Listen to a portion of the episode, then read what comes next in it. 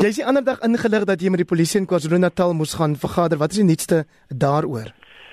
Wel, ons ons sukkel baie om uit te vind wat aan die gang is. Daar's daar's verskeie polisie ondersoeke teen my.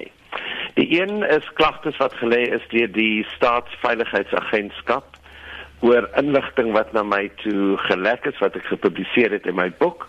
Daar's klaarblyklik ook klagtes van die van die inkomste diens omdat ek dan nou die belastingsaake van uh, van sekere sekere hoëgeplaaste mense bekend gemaak is. En dan staan baie vreemde saak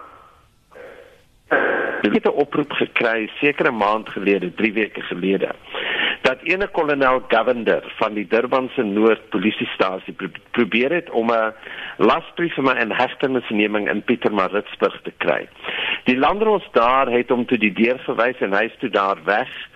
En sedertdien het die polisie gesê maar daar is nie daar is nie klagtes teen my teen my nie. Hulle weet nie wat gaan aan nie, maar toe het ons verlede vroeg verlede week het ons 'n brief gekry van kolonel Govender wat sê dat ek en die joernalis Pieter Louis Meiberg en hy het um the Republic of Gupta Gupta geskryf dat ek en Pieter Louis moet maandagooggend of dinsdagoggend um rapporteer by hom in Durban of Johannesburg.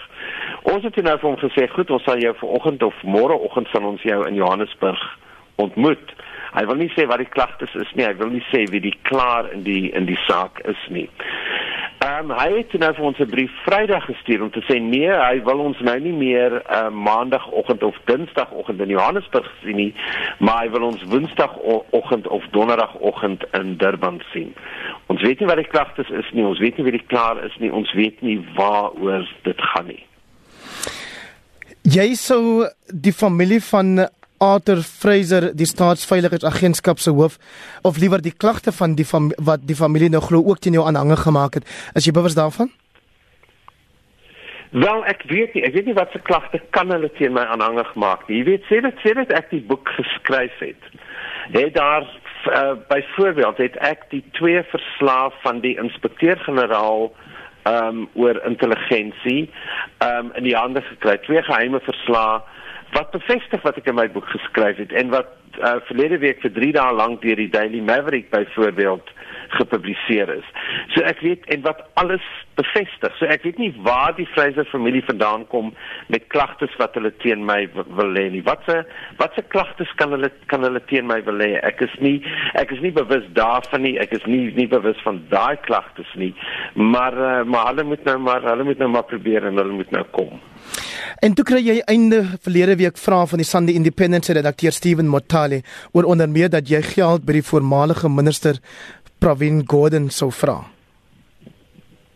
Ja, en ek vind dit staamlik bizar. Jy weet, sê dit my, my boek of of net voor my boek gepubliseer is is uh is Pravin gefire as die uh, as die minister van finansies en hy's nou 'n gewone lid van die parlement. So ek weet nie veel geld het hy nou beskikbaar om vir my te gee nie, maar ewenwel ja, ek meen Steven Motale en ek dink dit sal 'n sal 'n onreg teen oor journalistiek wees om vir Steven Motale 'n journalist te noem. Hy's nie 'n journalist nie, hy's 'n propagandist, maar ewenwel hy beweer dat ehm um, dat dit ehm um, dat die die inligting vir die boek het van Pravin Gordhan afgekom en van mense soos Ivan Pillay wat die wat die gewese ehm um, kommissaris van die inkomste diens is dat die inligting van sulke mense afgekom gekom het en daar daar vergaderings met 'n sakeman in Stellenbosch was ehm um, wat my half die goedkeuring gegee het om die boek te publiseer maar met al die uh, regsprobleme wat ek het wil ek nou geld van van Pravin Gordhan en uh, en moet hulle my nou uh, finansiëel ondersteun. Hmm. Ek meen dit is totaal absurd en dit is heeltemal onwaar, maar ehm um, ek moet sê ek vat nie Steven Motale se uh, se beriggewing verskriklik ernstig opneem. Ek dink nie daar is baie mense wat dit ernstig opneem nie. Maar ek vra jou net maar in elk geval omdat die berig gepubliseer is gister en daarin word ook onder meer gesê jy het nooit self enige voorneme gehad om die boek te skryf nie en dat ondersteuners van dat jong president Cyril Ramaphosa onder wie Gordon dan nou jou sou aangepoor het om dit te doen.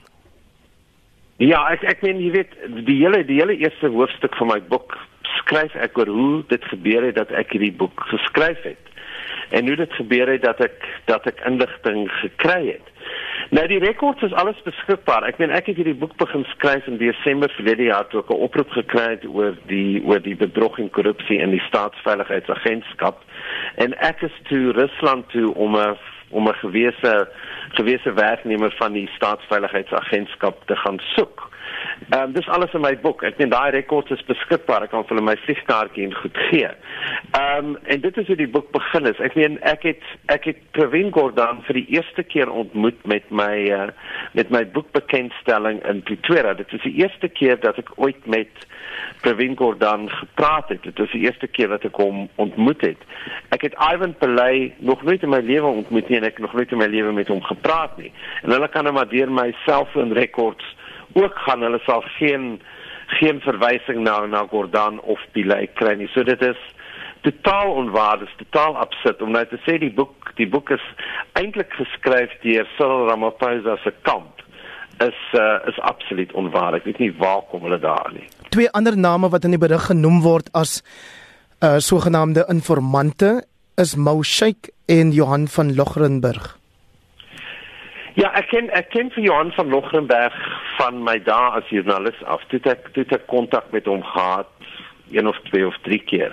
En ek skryf ook daarvan in my boek.